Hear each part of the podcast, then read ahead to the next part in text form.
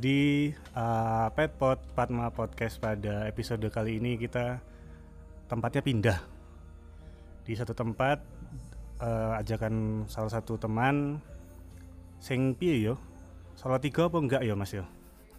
Separuh Solo tiga separuh kabupaten. Separuh-separuh separuh? Separuh tapi secara geografis dari letak Lintang dan Bujur ini masuk mana Mas? Masuk kabupaten. Ini Masuk masuk, kabupaten, kabupaten. Nah, jadi kalau teman-teman ke sini tuh kita sedang ada di Icon Resto and Coffee Mas ya. Iya. letaknya itu di daerah Salih Putih. Betul. Kalau teman-teman tahu perempatan Salih Putih tinggal naik terus ada panti naik sedikit nah itu sebelah kanan jalan gitu mas Iya. ya. Tonggone Panti. Tangganya Panti. Ya, berarti sering betul. main ke sebelah juga mas? Eh ingo-ingo mas. Kelihatan kebetulan kelihatan dari sini. Oke jadi eh, buat saya sendiri ini sebuah pengalaman yang apa ya pertama kali ke Icon yang sifatnya serius gitu biasanya sih cuman nongkrong-nongkrong gitu ya nah eh, terima kasih juga buat keramahannya di depan saya sudah ada yang namanya Mas Noki Noki Kalau boleh tahu nama lengkapnya siapa nih mas? Anoki Herdiandito mas nama lengkap saya mas Anoki. Anoki Herdiandito Iya, dipanggil- jangan tanya eh, artinya ya mas ya Kenapa mas? soalnya agak lupa saya. Apa jangan-jangan memang dilahirkan tanpa arti mas namanya? Enggak juga tuh mas mesti nama adalah doa ya Oke siap. Cuman kalau saya mengartikan sendiri sih Anoki Herdiandito itu mm, sesuatu yang besar gitu aja. Besar dalam arti luas ya. Itu entah itu besar besar badan, kebetulan saya juga badannya besar, terus eh, besar untuk bisa berbagi ke sesama, ya yang baik-baik aja lah. Gitu. Itu mengartikan sendiri mas ya? Mengartikan sendiri. Tanpa ada acuan dari bahasa apa gitu enggak ya? Eh, impen mas itu mas. Bawa Udah mimpi. Mimpi gitu ya. Iya, Oke iya, gini mas, eh, kan mas Noki yang menjalankan sebuah usaha di tepi kota Salatiga gitu ya bisa dibilang kan juga dapat banyak eh, pelanggan-pelanggan dari Salatiga juga ya, Ya, pastinya. betul. eh intermezzo aja sih mau tanya eh, kira-kira selama eh, enam bulan terakhir nih Mm-mm. gimana mas Icon Resto Coffee selama enam bulan terakhir ya tiga bulan saya bagi dua ya enam bulannya saya bagi dua jadi tiga bulan tiga bulan. Tiga bulan yang pertama itu bagus luar biasa masih masih masih apa namanya ada progres ya ada peringatan ya dari awal kita buka. Setelah itu kita bicara di tiga bulan kedua saya kira semua merasakan ya mas ya. Semua merasakan ada eh, apa namanya sesuatu yang tak terlihat tapi mengacaukan dunia. Nyata ya? Nyata itu nyata. Dan kita saya pribadi sendiri Ikon pribadi sendiri juga eh, mengalami itu. Kita nggak perlu sebut merek mungkin ya semua orang juga sudah tahu Oke. apa itu. Gitu. Seperti itu mungkin mas. Nah eh, sampai dengan bulan ke-9 tahun ini masih bisa berjalan dengan baik ya? Ya puji Tuhan ini sudah sudah agak ada angin segar ya meskipun juga beberapa hari yang lalu eh, kita juga dengar di beberapa tempat juga sudah mulai merah lagi di ibu kota juga sudah mulai eh, pemberlakuan apa namanya lockdown mungkin ya gitu. Tapi terus terang untuk minggu ini juga eh, dari ikon agak sedikit merasakan itu sih merasakan impact dari isu-isu yang terbaru ini gitu. Cuman ya harapannya semoga tidak terjadi tiga setengah bulan yang lalu lah gitu. janganlah mas saya jangan juga. ya nggak ngapa-ngapain aja bosen gitu mas Iya, makanya Nah, kalau saya sih tertarik gini, Mas. Eh, karena Salatiga ini kan kota yang nggak kota-kota banget, tapi nggak desa-desa banget. Jadi ketika kita bertemu dalam sebuah tempat nongkrong itu kan nggak mungkin kadang-kadang kita cuman duduk terus bicara omong kosong gitu, Mas. Ya. Ya selalu pasti ada yang saya jadikan acuan atau latar belakang apa yang eh, membuat eh, yang bersangkutan itu bikin usaha ini. Nah, kalau boleh tahu nih dari awal Mas Noki bikin usaha ini tuh visinya apa sebenarnya, Mas? dari awal ya awal banget ya mas ya dari sebelum eh, kita ngomongin visi ya visi dan teman-temannya jadi awalnya itu saya suka makan dulu. makan. Saya seneng makan. Terus dari kecil saya sudah eh, kalau kata orang Jawa sudah kelutian, sudah eh, apa namanya masuk-masuk ke dapur. Hmm. Sampai saya tuh dulu sampai sempat diomong ketuk. Itu istilah Jawa, Mas. Artinya apa, Mas? Wong lanang kok sobone ning dapur, wong lanang kok masak istilahnya ketuk.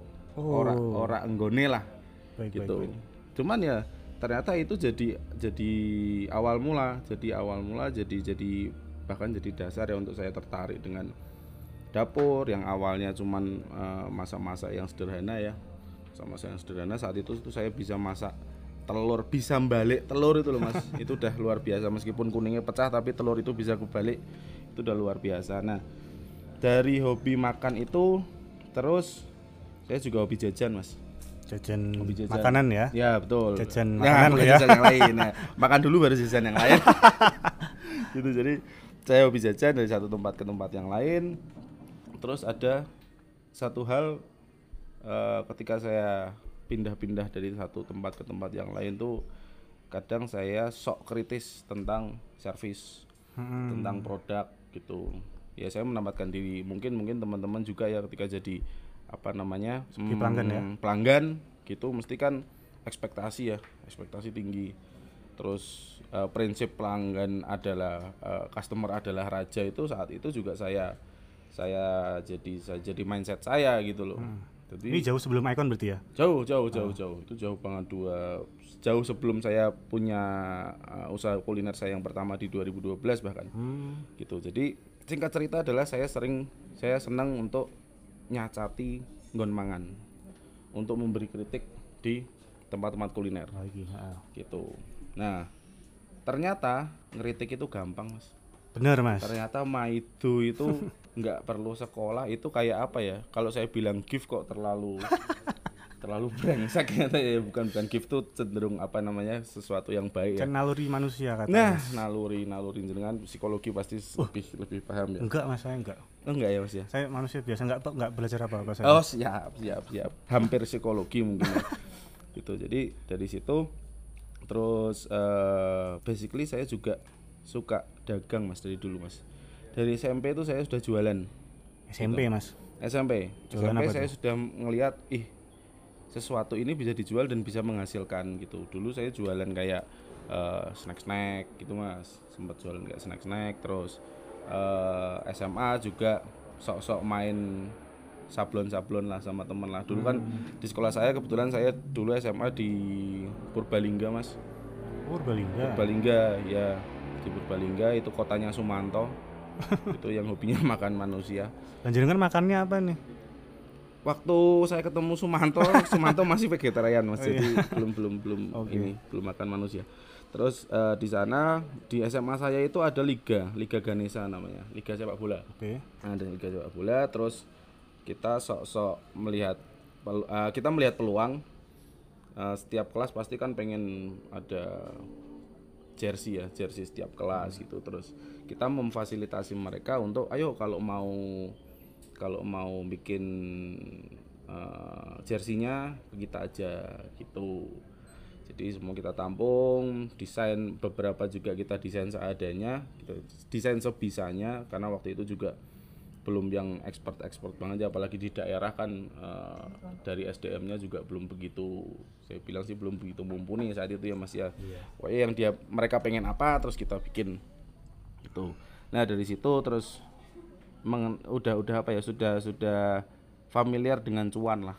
Hmm. gitu dengan cuan untuk sidik-sidik untuk sidik-sidik diubengke gitu. Terus saya ke kuliah di kuliah itu di kampus dulu saya sempat jual selimut bulu-bulu mas.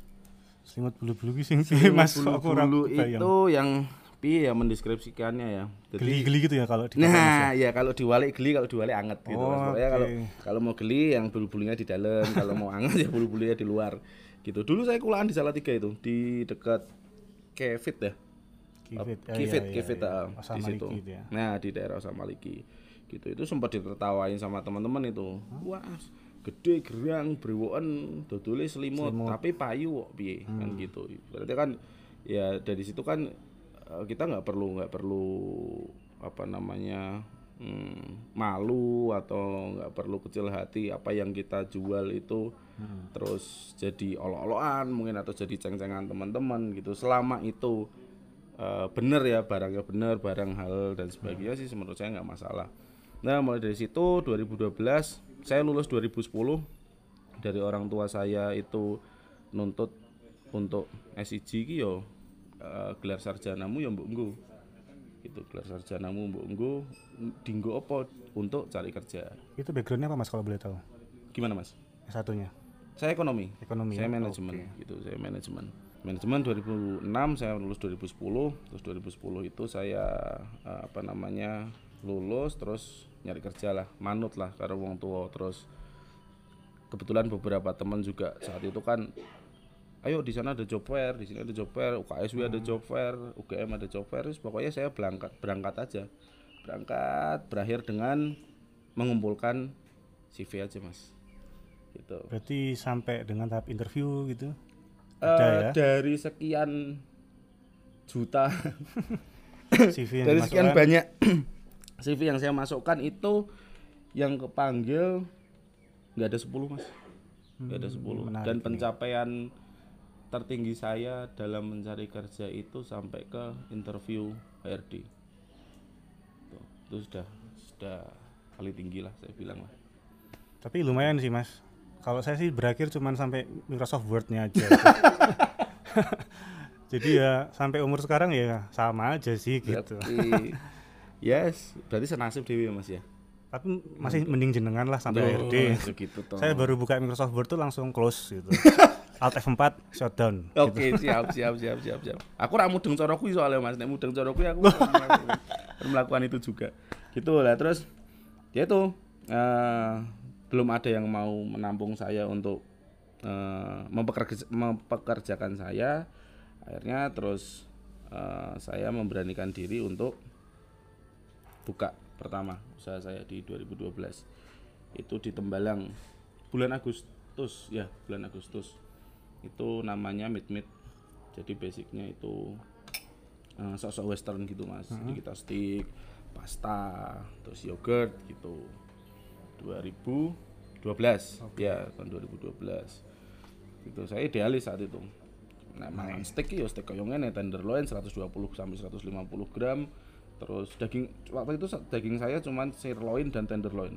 Heeh. jadi nggak ada yang eh, event itu eh, olahan winner schnitzel ya yang itu ditepung ya mas ya. Tapi saya nggak mau pakai daging lain selain tenderloin atau sirloin gitu. Eh ternyata orang tidak peduli dengan itu mas. Hmm. gitu. Dulu tetangga sebelah warung tit itu ya itu kan ramai banget ya. Terus saya Oke. saya makan di situ alah kayak ngene aku iso ki Tapi lebih ramai mas ya. Nah makanya sok-sokan waktu itu sok-sokan jadi apa namanya petarung ya kan. Ternyata eh, tetangga sebelah itu sifu mas. Saya masih jadi murid dia sudah jadi guru ya kan. Gitu. Ternyata ya ya, ya seperti itulah. Akhirnya hmm, saat itu pangsa pasar saya paling banyak saya bilang hampir semuanya adalah anak-anak yang pendatang dari daerah barat ya. Dari dari Bandung dari Jakarta gitu yang mana mereka udah udah terbiasa dengan kamu makan steak ya bener-bener yang real meat. Kamu uh, makan dengan uh, sayur-sayuran yang saat itu menurut saya untuk steak tidak tidak tidak umum ya. Saya kasih brokoli saya kasih kembang kol gitu. Biasanya kan wortel terus apa toh jagung gitu kan. Nah mereka mereka hanya mereka mereka yang yang yang jadi customer saya dan itu berjalan dua tahun hampir dua eh ya sudah dua tahun mereka lulus di Tembalang semakin banyak eh, orang-orang yang main kuliner.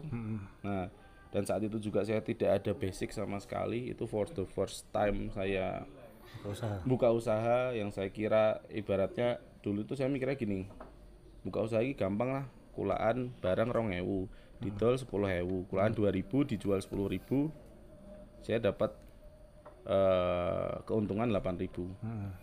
ternyata pada kenyataannya tidak semudah itu Ferguso ya kan mas? Betul. itu ternyata banyak hal-hal lain banyak banyak sekali variabel banyak sekali faktor X. Bahkan faktor-faktor yang secara teori itu di luar lah. Di luar faktor fak- faktor-faktor faktor-faktor X itu se- secara teori itu tidak disebutkan gitu. Kayak pengelolaan bagaimana mengelola SDM terus dulu tuh saya dari belanja produksi marketing SDM Sendiri. tak tackle dewe mas saya tackle sendiri gitu Masak juga sendiri berarti. masa saya sendiri Oh, jadi yang tadi suka masak ya? Hmm, gitu. Nah, yang yang menarik adalah itu pertama kali saya dimarahi sama anak usia sekitar 5 lima atau enam tahun lah Dimarahi. Mm-mm. jadi kan saya kan konsepnya dulu kan semi open kitchen Oke. jadi customer bisa bisa ngelihat proses dari mentah sampai sampai siap saji gitu nah pas lagi crowd pas lagi rame eh biasalah customer kan pengennya kan ndang saendang saanyat ya mas ya. Begitu pesen pengennya ya langsung keluar gitu. Itu saya lagi proses di kitchen tiba-tiba si anak itu di depan di depan meja kitchen dan dia jinjit gitu tuh mas. Dia bilang om bisa masak nggak sih om? Kok lama? Oh ini tuh ternyata rasanya di paidu cah cilik cilik, yang ya. saat itu saya sering mas kok lama sih? Mas kok ini kok kayak gini sih? Mas ini kok saya pesennya apa namanya well done kok datangnya kok malah mentah sih? Hmm, gitu. Bisa sampai sedetail itu anak kecil ya. Waktu itu. ya nggak tahu mungkin ada titipan ya. ada titipan mungkin. Ada titipan dari dari Tuhan sih mas. Kalau saya bilang sih mas itu mas. Bentuk teguran mungkin bentuk Mas ya. teguran betul Oh, itu, itu. betul betul. Ya itu. Terus seiring berjalannya waktu saya belajar dari setiap proses ya mas ya. 2012 lalu 2014 saya buka lagi partner sama berpartner sama teman saya Itu join. berarti yang sebelumnya tutup atau ya masih belum sampai belum sampai rugi lah saya bilang belum sampai rugi saya banting setir karena wah ini wes wes apa namanya kak kayak nggak sehat gitu loh. Semakin turun trafiknya semakin turun terus beberapa eh, tim juga sudah saya cut saat itu. Untungnya saat itu kan tim-tim tim saya kan kebanyakan anak-anak partai mas. Jadi mereka dengan di cut pun mereka nggak ada masalah gitu. Terus saya banting setir saya ketemu teman saya yang eh, awalnya sama-sama main kuliner tuh startnya bareng di 2012 juga mas. Gitu cuman eh, di bidang produk yang lain ya mas ya. Sama-sama di di industri F&B kuliner tapi di produk yang lain akhirnya saya ketemu dia terus kita join lah Oke. gitu di 2014 14. an 2014 awal gitu Itu masih di daerah Semarang juga. masih masih di Tembalang mas jadi dari saya main kuliner keluar dari Semarang keluar dari Tembalang itu ya baru ini gitu terus 2015 saya juga eh, buka lagi di Tembalang masih di Tembalang juga nah di tahun 2013 i- ini kan tanah lokasi yang saya bangun jadi ikon ini kan sudah eh, ibaratnya kayak ini itu tanah-tanah keluarga ya mas ya? Oh, ini tanah keluarga dibeli sama eyang saya itu tahun 71 tahun 71 dibeli sama eyang saya dari tahun 71 sampai akhirnya tak roboh ke tak bangun lagi sampai ini berdiri operasional jadi eh, resto ini itu praktis mangkrak bangunannya. Jadi sempat dibangun rumah karena dulu sini kebun cengkeh niatnya rumah itu difungsikan sebagai rumah yang menjaga kebun cengkeh ini. Oh, dan untuk untuk rumah weekend keluarga lah kalau pas weekend mereka ke sini dan sebagainya. Tapi ternyata tidak tidak sesuai gitu loh manfaatnya eh, tidak tidak tidak sesuai dengan apa yang diharapkan untuk fungsinya gitu. 2013 saya ke sini saya ngelihat kok eh, nggak tahu mas saya feel aja mas melihat ada potensi apa gimana gitu. Iya. Saya saya feel aja saya ada kayak apa ya? naluri lah. Naluri ke aku pengen ya buka di sini ya. Cuman saya tahu resikonya sangat-sangat tidak kecil gitu loh, sangat-sangat besar bahkan.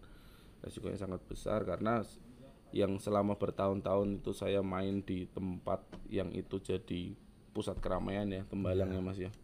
Gitu tuh saya harus eh, minggir bukan bukan hanya minggir saya harus pergi jauh masuk ke eh, tengah hutan gitu. Itu pertanyaan yang hampir setiap orang yang baru kenal saya itu tanyakan pasti mas. Kok iso mikir bangun yang gini kok bisa mikir bangun di sini itu gimana? Gitu.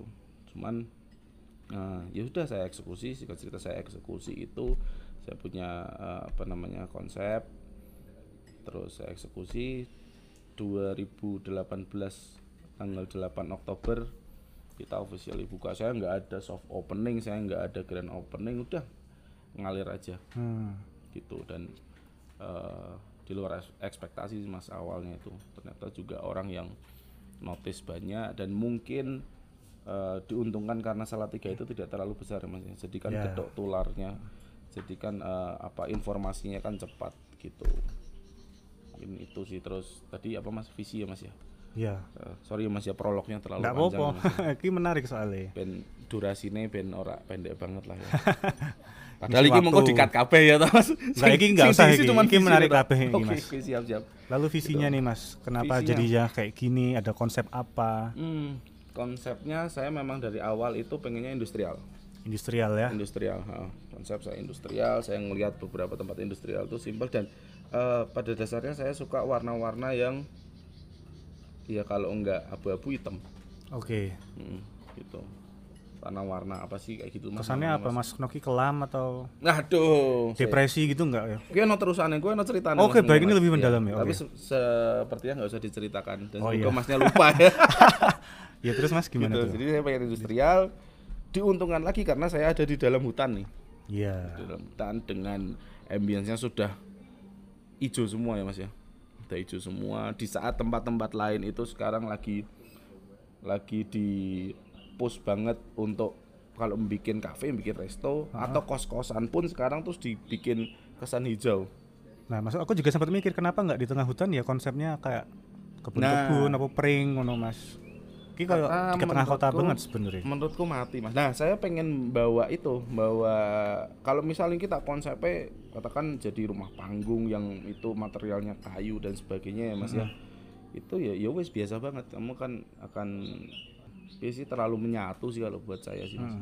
terlalu nyatu gitu loh. Tapi nek ono eh, jadi bisa jadi point of view, point of interest di di tengah eh, ijo-ijo ini kan menurut saya lebih menarik sih gitu awalnya sih seperti itu dan yang lebih penting lagi konsep industrial ya ini buat teman-teman juga ya yang pengen bikin apa pun lah dengan konsep industrial itu ngirit biaya mas Jadi unfinishing setengah jadi tapi yo wes wangun ngono Mas yo. nah gitu ya dibangun-bangun ke sih mas dibangun-bangun ke. Tetap cozy kok, tetap sip.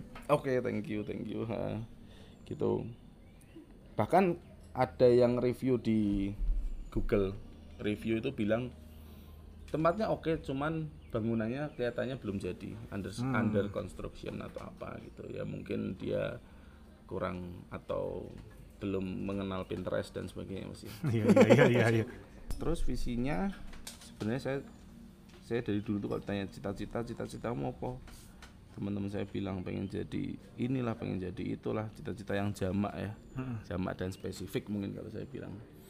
Kalau saya ditanya saya pengen berguna aja untuk banyak orang gitu. Dan akhirnya pun itu nanti akan berguna ke diri saya sendiri itu dalam hal ini eh, visi misi ikon ya balik lagi ke sini saya pengen hmm, untuk di area sini dulu lah area eh, ikon dan sekitarnya. Saya pengen membuka lapangan kerja untuk warga-warga di sekitar sini. Dan itu juga sudah puji Tuhan sudah terrealisasi juga gitu. Terus eh, secara umum juga saya pengen eh, di sini kan banyak karang tarunanya ya mas ya? Hmm. sekitar sini meskipun meskipun katanya sih aktif cuman cuman saya nggak nggak nggak begitu. Beberapa kali saya minta untuk nek ada acara ayo saya dilibatkan gitu. Mungkin belum belum ada kesempatan aja sih gitu. Saya pengen ngasih em, sedikit apa sih biar mereka ter- terinfluence juga sih untuk untuk yang pengen usaha lah dan sebagainya lah gitu. Dalam bentuk apa pun dalam skala apa pun ya. Gitu. Kira-kira seperti itu sih mas. Terus yang lain-lain juga pas ini berjalan ternyata banyak komunitas-komunitas yang ke sini gitu. Nongkrong gitu Mas ya? Atau ya eh, mereka juga ya menjalankan eh, ininya aktivitas komunitasnya gitu loh sebelum ini dibangun kan sudah ada komunitas airsoft. Tembak-tembakan. ya airsoft Salatiga.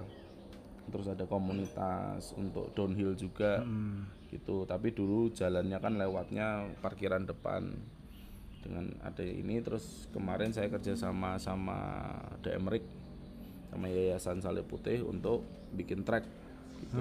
Bisa nyambung gimana gitu. Akhirnya saya bikin di uh, samping gitu loh dan itu juga impactnya cukup wow juga sih menurut saya sih gitu. Jadi orang masih bisa enjoy makan di sini ngobrol di sini sambil ngelihat mereka uh, orang-orang komunitas ini untuk beraktivitas ya gitu. Terus banyak juga komunitas-komunitas lain kita pernah gandeng untuk hmm, foto video juga gitu. Terus apalagi RC remote control ya. ya remote control adventure remote control gitu. Jenengan juga kayaknya main ya. Saya ada lihat di depan itu. Iya mas. Saya sempat main RC dan- Adventure ya.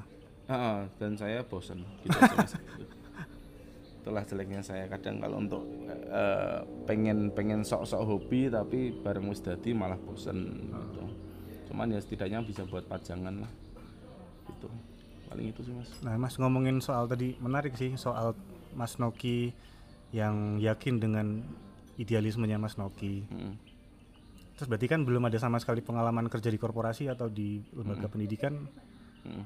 Eh, maksudnya itu kan ini nggak mungkin toh. Maksudnya saya melihat bangunan fisiknya sekarang ini nggak mungkin setengah-setengah dong Mas. Maksudnya jenengan punya hidup untuk eh, tempat ini gitu loh. Mm, mm. Nah sejauh ini kan dua tahun berjalan nih. Kalau banyak orang bilang saya nonton-nonton ya kutipan-kutipan motivasi gitu lah. Lima tahun itu sebagai pijakan pertama Mm. gitu. Nah Mas Noki sudah punya belum uh, bayangan atau keyakinan untuk bisa mempertahankan kekonsistenan ini gitu? Iya. Ngomongin konsisten itu harus ya Mas ya. Itu dasar banget sih. Apa pun dalam dalam hal apa pun sih. Kalau kita sudah memilih sesu- sesuatu kita harus tanggung jawab dan konsisten untuk sesuatu yang kita pilih itu.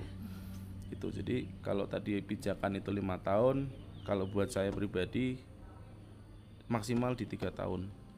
Maksimal. Nah, maksimal di tiga tahun. Setelah itu ya ya ya itu tadi. Jadi pijakan itu kan kayak loncatan awal ya Mas ya Iya betul. kayak tumpuan lah ya tumpuan jadi tiga tahun saya bangun pondasinya itu sekuat mungkin saya kurang lebih hampir setahun tuh saya masih ikut incas di operasional mas Hmm, gitu di kitchen masih bantu ya. nah, di kitchen bahkan di service itu bahkan saya juga sampai keluar ke parkir juga. Gitu. Jadi eh, prinsip saya adalah saya harus tahu apa yang saya delegasikan ke tim saya.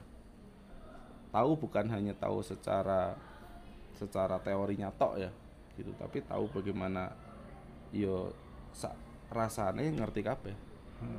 Detail-detailnya tahu semua gitu. Misal di dapur eh, saya bilang ayo cepat ini harus cepat ini harus apa namanya first in first out dan sebagainya. Gampang mas untuk nyuruh orang tuh mas. Balik lagi mah itu gampang mas. Betul. gitu. Tapi saya merasakan sendiri bahkan dari dulu saya saya di kitchen saya merasakan sendiri bagaimana dinamika yang ada di dalam. Ini salah satu contoh aja bagaimana dinamika yang ada di dalam uh, kitchen pressure-nya seperti apa. Itu meskipun saya belum pernah yang namanya ikut orang di profesional kitchen ya gitu. Learning by doing mas saya semua learning by doing. Saya customer satisfaction nomor satu kepuasan pelanggan nomor satu itu aja sih prinsip saya. Terus soal idealis tadi sekarang sudah mulai luntur sih mas. Gitu. Tapi Melihat tidak realita ya. semuanya ya, Ha, ha, ha. jadi customer itu konsumen itu sekarang sudah pinter. Sudah semakin pinter. Sudah semakin hebat saya bilang. Gitu.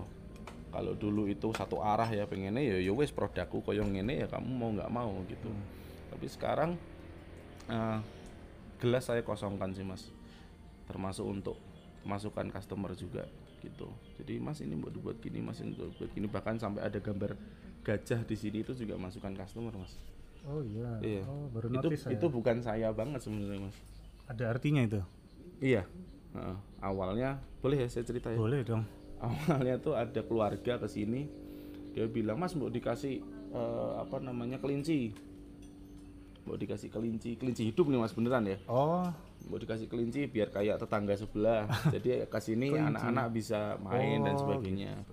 terus saya bilang nggak mungkin bu kalau saya kasih kelinci saya saat hari ini saya beli besok kelincinya pasti sudah hilang. Hmm. gitu karena di ini kan tanah kira-kira 2,3 hektar ya mas ya. Terus aku mau ngandang di mana mau ngandangin mereka di mana pasti kan gerong lah mereka lah apa namanya buat liang dan sebagainya gitu. Terus anaknya bilang anaknya tetap maksa lah intinya lah. Terus saya nyeplos aja besok om kasih gajah. Nah, gitu. Ternyata anak-anak zaman sekarang cerdas mas. Daya ingatnya luar biasa ya. Ditagih mas. Nah iya. Kembali lagi saya berurusan dengan anak-anak usia segitu mas. Dari 2012 itu saya dibilang om bisa masak nggak sih kok lama? Di 2019 awal saya ditagih lagi sama seorang anak kecil. Om mana om gajahnya om.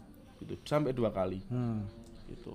Akhirnya ya wis mau nggak mau saya harus mengadakan gajah di sini. Gitu. Terus jadilah gambar itu. Dan itu juga di luar ekspektasi. Banyak orang juga yang foto di situ. Mungkin karena spot foto saya belum begitu banyak ya mas ya. Itu jadi salah satu spot fotonya di situ. Oh, berarti ada perubahan dari Mas Noki sendiri ya? Mulai mulai berkompromi dengan iya iya. situasi. Dan itu harus mas. Itu harus. Karena idealisme itu bom waktu sih kalau saya bilang sih. Dan saya pernah merasakan itu bumerang bumerang. Kita lempar dia tajamnya 50% pas dia balik bisa 150% mas tajamnya mas. Gitu. Tapi gajah ini nggak mengganggu konsepnya visinya Icon? Hmm, kan sebenarnya kayaknya nggak Mas Noki banget gitu loh. Kelinci lagi gitu. Iya ya Eh, mungkin sama-sama besarnya jadi saya kayak gajah mungkin itu aja mas. Nah dipaksa oke sih ngono ya. Gitu. cuman eh, kalau untuk ini kan saya punya tiga space ya mas ya. Di dalam terus outdoor belakang. belakang sama outdoor samping. Kalau yang di dalam saya full full industrial sih.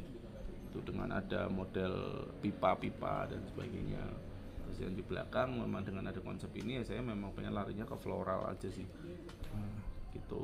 Terus ya ini dipadukan sama ada tem apa namanya bata expose ini di sebelah sebelah kita ini.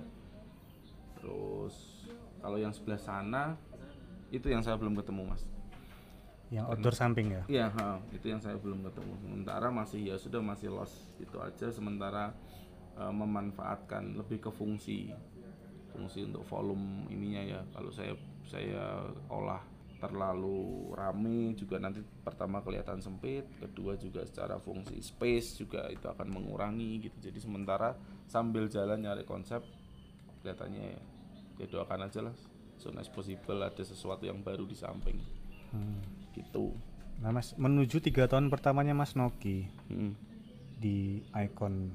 Mas Noki memandang tahun 2012 ketika awal mulai mengembangkan usaha itu sebagai apa Mas? Kegagalan atau bentuk evaluasi atau sebuah batu loncatan atau leveling? Semua yang atau kapok ah? Semua yang anda, no? semua yang jenengan sebutkan kecuali kapok ya mas ya? nggak kapok? Enggak. Hampir pernah. Saya hampir hampir karena saat itu saya masih melihat itu kan awal-awal jadi dua tahun tiga tahun setelah saya lulus ya mas ya. Setelah saya lulus kuliah saya ngelihat teman-teman saya saya masih ngelihat ngelihat sekitar lah saya masih ngelihat teman-teman saya yang mereka sudah berhasil di eh, tempat mereka kerja di korporasi dan sebagainya. Pas kumpul itu saya sempat ngerasa minder. Saya sempat ngerasa minder. Terus bener lah ya. Bener nggak sih ini jalan yang saya pilih? Gitu. Tapi ya sudah. Dari kecil saya risk taker mas. Dari kecil saya pengen menjadi yang pe- yang beda. Yang beda aja. Itu itu itu salah satu idealisme saya sih sebenarnya sih. Kadang sih ngawur ya mas ya. Nah ya dengan ngawur. dengan risk taker dengan tetap memperhitungkan seberapa banyak yang anda investasikan sebelumnya itu kan maksudnya perhitungannya kan luar biasa sekali maksudnya dengan tidak kapok gitu loh. Iya, iya karena saya yakin sih itu semua proses sih mas, itu semua proses dan dulu saya sering baca-baca buku tentang orang-orang apa namanya biografi orang sukses ya, ada Bob Sadino, terus ada banyak lah khususnya yang di di eh, bidang entrepreneur ya, itu. Mereka butuh waktu bahkan puluhan tahun, bahkan si Iya, siapa namanya yang punya Indofood Pak Sudah Antoni Mac. Hah? Pak Antoni Itu Garuda deh. itu dia tahun 98 itu dia menanggung hutang 55 triliun tahun 98 awal krisis moneter gitu 55 triliun itu bahkan saya nggak bisa dan tidak mau membayangkan uang segitu ya mas ya. dan dia bangkit gitu dia bisa menjual meskipun dengan menjual beberapa anak perusahaannya seperti salah satunya BCA ya terus akhirnya dia bisa bangkit dengan sekarang dia punya kekayaan ratusan berlebih lah lebih dari yang pernah itu pernah hilang gitu. Dia belajar dari dari salah satunya dari hal-hal dari pengalaman-pengalaman orang lain seperti itu sih mas. Itu yang memacu memacu saya dan passion saya memang saya pengen pengen all out di di bidang F&B juga gitu loh. Seperti itu. Saya juga jadi ingat kayak kisahnya Colonel Sanders ya, ya ya yang dia punya beribu-ribu Mm, dan ini saya merinding loh mas. Oh iya. dengan bilang itu saya merinding mas. Itu itu pun ketika dia sudah di umur yang sepuh gitu loh. Iya. Sementara jenengan ini mungkin 50 aja belum ada Mas ya. belum cari aman banget ya pertanyaannya golek aman banget Ya, saya sama Mas Noki ini udah undi lah umurnya. Udah undi. yang unda yang siapa mas yang undi yang siapa Nah, Iya, eh, Mas Mm. eh, kalau boleh tahu kenapa kok dikasih nama ikon? Bacanya gimana sih Mas? Ikon, ikon, ikon mas ikon ya. Ikon. Sing Kalau- Indonesia banget ya, nah ikon. gitu. ya karena kan nama saya dibalik ikon, Ikon. udah gitu aja Oh, Noki gitu. Ikon. Dan itu sepele banget sih mas orang yang ada di balik sebutan nama tadinya saya pengen pakai nama tabula rasa tabula rasa Secari kertas putih itu. iya tabula rasa itu meskipun artinya jauh ya dari dari apa namanya kuliner ya Hmm. itu cuman ada rasanya itu sih yang saya ini yang saya Oh, tak gadok-gadok lah itu Berarti ini bisa dibilang Mas Noki banget lah ya, ikon. Hmm, ya bisa dibilang gitu. Terus tabula rasa saya nyari, eh ternyata sudah ada mas yang pakai itu di daerah Amerika Latin lah, sejenis eh, pub atau resto atau apa saya lupa gitu. Terus saya ngobrol sama sama Sarif, dia resto manager saya di sini, gitu. Rep, apa ya sing itu obrolan obrolan malam lah obrolan ringan gitu terus tiba-tiba dia menyarankan nama itu terus nggak tahu saya klik aja langsung gitu loh. Saya klik dan gampang banget. Ketika orang nanya ini artinya apa? Ya Noki dibalik gitu. Dilalai gampang ya dibalik ya. iya. Dan nama saya kena new wah. Nggak lolos, nggak lolos nganu, nggak lolos. Kalau buat nama nggak lolos. gitu dan yang lucu adalah ada yang nge-tweet pas awal-awal ikon ini buka ada yang nge-tweet wih eh, ikon konser di Salatiga eh, ikon konser di Salatiga atau ikon nyampe di Salatiga? Saya pertama belum notice. Ternyata ikon itu boyband Korea mas. I- Icon itu ada boyband Korea. Saya belum tahu sih. nah saya juga baru tahu itu. Dan kebetulan adik saya itu suka Korea. Hmm. suka apa tuh jenisnya K-pop K-pop gitu ya? Oh iya K-pop ya, iya iya. dan dia nggak ngasih tahu saya gitu loh. Kan bangsat. Tapi ya it's okay lah. Okay lah. Setidaknya eh, sudah ada yang pakai nama itu dan mereka famous ya sampai eh, dunia ya. Dan nggak mau nambah-nambah konsep bahasa-bahasa Korea gitu di sini. Hmm. Jangan, Mas. lagu-lagunya Korea. Ada ada ada jangan mas jangan mas. Mungkin banyak anak-anak muda cewek-cewek gitu ke sini gitu kan tambah oke. Geli saya mas ngeliatnya mas. Malah saya cuma nambahin dosa tok nah malah tak pisui Mas. pisui terus mas ya? Nah. Sis, dan kesukaanku dari kecil mas miso mas. Oke mas Noki. Mm-mm. eh, boleh dijawab boleh enggak sih? Siap kan saya sih merasa apa ya Mas Noki ini punya pengalaman yang banyak. Walaupun tadi saya bilang umurnya nggak jauh-jauh banget sama saya cuman Mas Noki itu sudah sampai sejauh ini gitu loh. Sementara ya sama saya juga tadi nggak pernah sampai eh, pekerjaan yang di korporasi. Mm-mm.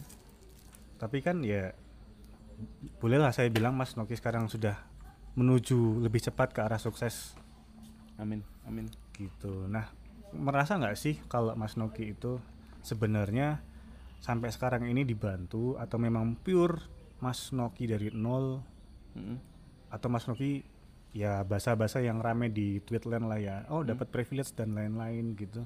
dibantu itu dalam hal apa mas mas mas Ya mungkin finansial Oh, iya, atau ya kan tadi Mas Noki bilang ini tanahnya Iya. yang jenengan gitu. ya privilege saya banyak dibantu makanya itu eh semesta mendukung sih mas kalau saya bilang mas ini saya merasa semesta sangat mendukung meskipun dalam dalam perjalanannya juga bahkan sebelum mulai juga up and down-nya luar biasa ya sampai saya akhirnya saya bikin di belakang bar itu ada Muhammad Ali Hmm, quotes-nya luar biasa saya hampir hampir give up mas Ketika Nok ya ikon ini. Iya, ketika ikon ini saya hampir give up di proses 75% mas.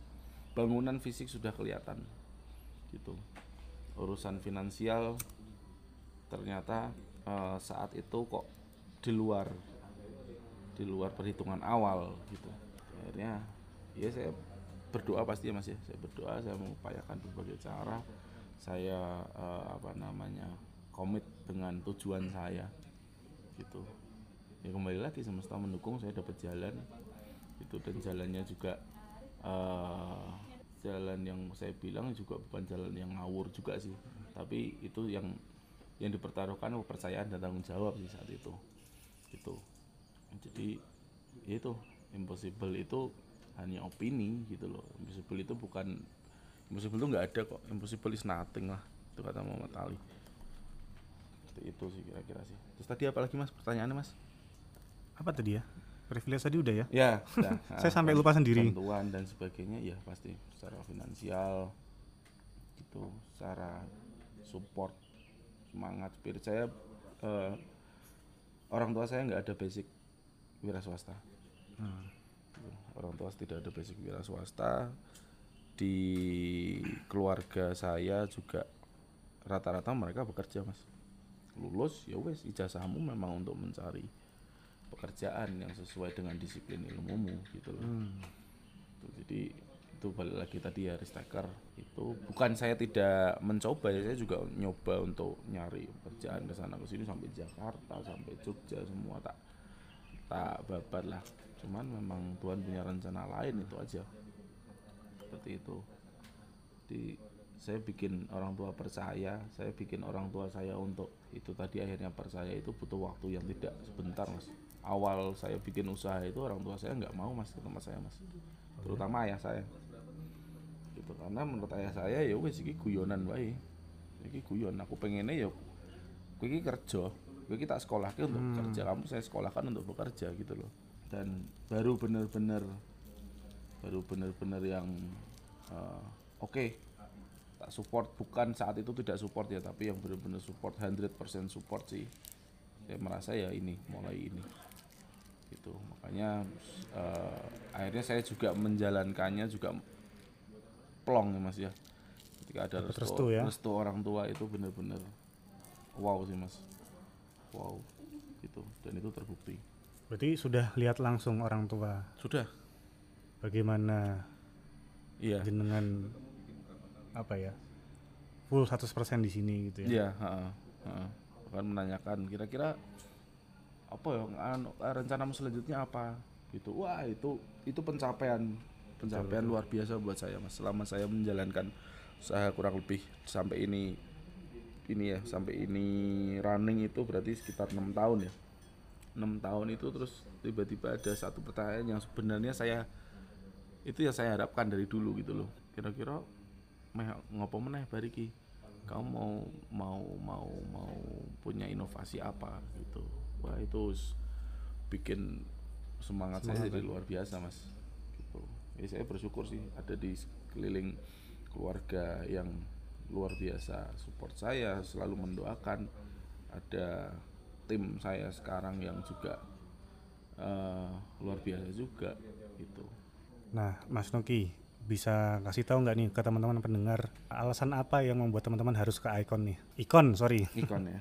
Alasan buat teman-teman harus ke sini. Experience sih, Mas. Pengalamannya ya. Iya. Experience gitu. Karena Bisa dapat apa sih di sini tuh sebenarnya? yang jelas produk service sesuai dengan tagline kita ya full fun family, fun full family gitu. Jadi fun karena kita akan uh, dapat suasana fun di sini pastinya gitu terus full full itu dari kenyang sih mas kalau saya bilang sih kita dari kenyang dari produk yang kita punya terus family itu saya pengen menyatukan customer yang di sini tuh ya nggak sendiri-sendiri gitu loh. Dan meskipun itu itu nggak gampang ya mas ya karena orang masing-masing ya. Tapi di selama kita running itu tidak sedikit juga yang sudah sudah akhirnya mereka mengenal di sini. Terus mereka jadi teman terus mereka uh, bikin janjian lagi untuk datang ke sini dan sebagainya. Seperti itu sih mas Nah, Mas, pertanyaannya terakhir nih ya, mulai gelap soalnya. Siap. Jadi di masa-masa apa ya? Ya tadi kalau Mas Noki nggak mau ngomong sih, cuman ini saya ngomongin aja oke masa pandemi gini kan. Mm. Nah, kalau saya dengan teman-teman, eh, terutama di komunitas-komunitas, Mm-mm. saya melihat ada space yang cukup luas di ikon. Mm-mm. Saya pikir ini sebuah sebuah potensi kalau bagi saya sebagai pengunjung yang datang ke sini gitu loh untuk bisa banyak hal yang dieksplorasi di tempat ini Iya. gitu loh. Nah, apakah boleh kira-kira teman-teman komunitas untuk bikin acara di sini, bikin event, bikin workshop? Apalagi mungkin kalau saya ini dengan teman-teman beberapa terinspirasi deh dari gerakan uh, shop lokal. Ya. Jadi ya siapa tahu mungkin ada event yang bisa saya dan teman-teman selenggarakan di sini untuk ya bisa ngenalin juga produk-produk lokalnya. Ya mungkin salah tiga sih walaupun sini coret lah dikit gitu. Mm, mm. Oke. Eh, saya jawab singkat aja mas ya. Ya. Anytime. Silahkan. Terima kasih banyak loh mas. Anytime silahkan. Itu yang pengen saya angkat dari dulu. Saya pengen ikon ini punya salah tiga. Hmm. Gitu loh. Meskipun secara letak dia di administratif di kabupaten ya, cuman kan nempelnya lebih ke Salatiga sih sebenarnya sih gitu. Karena saya lihat potensi customernya juga dari Salatiga itu lebih dekat gitu. Jadi ya aku pengen iki ikon jadi ikonnya Salatiga juga. Icon menjadi ikonnya salah iya icon menjadi ikonnya Salatiga. Salatiga itu saya bilang luar biasa sih mas. Dari orang-orangnya itu super duper welcome wonge adem-adem mereka juga kreatif gitu loh. Mereka juga tidak menutup tidak ada sejauh ini saya melihat sih belum ada yang ngegap ngegap gitu ya meskipun di satu industri yang sama ya. Pasti ada lah cuman nggak nggak nggak nggak kelihatan banget lah nggak kelihatan gap banget. Dan itu menurut saya potensi sih. Potensi kenapa kenapa enggak gitu loh kalau kita bisa menyatukan itu semua kita bisa sekarang eranya kolaborasi ya mas. Hmm, iya, iya. kita nggak bisa sendiri sendiri Nggak selalu kompetisi ya. Iya, bahkan itu lintas lintas industri pun Hmm. kita bisa saling support dan itu jadi sesuatu yang lebih besar pasti. Gitu. Oke, Mas Noki ada pesan nggak buat teman-teman pendengar di Salatiga nih terkait dengan apa yang sudah Mas Noki lakukan sekarang? Hmm, oke. Pesan dari saya apa ya? Hmm, yang pertama berani. Gitu, be brave. Berani terutama berani jadi diri sendiri. Gitu. Terus jangan egois. Artinya jangan sukses sendiri, jangan pernah mau sukses sendiri. Gitu. Kita sukses as a team. Gitu, Karena kita saling saling melengkapi. Gitu. Terus jangan pernah kalah dengan masa lalu gitu karena masa lalu itu pelajaran yang luar biasa seperti itu terus yang terakhir sih terus berkarya dan mengucap syukur sih itu aja dalam semua kondisi dalam semua hal itu itu aja mas. Oke, terima kasih Mas Noki atas keramahannya, siap. atas ketenangannya di tempat ini.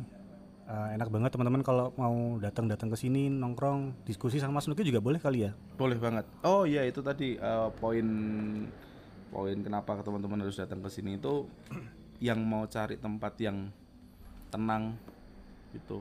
Yang benar-benar tenang masih jauh dari polusi Hmm. itu ke sini bahkan beberapa dulu awal-awal banyak penulis yang ke sini Oh iya, Mm-mm, karena mereka merasa di sini tuh tenang enak untuk cari inspirasi seperti itu jadi ya monggo lah yang mau datang yang mau lihat-lihat dulu nggak apa-apa kok nggak jajan. Oh jajan dong. masuk tidak harus membeli Tapi kalau ketemu Mas Noki boleh nih.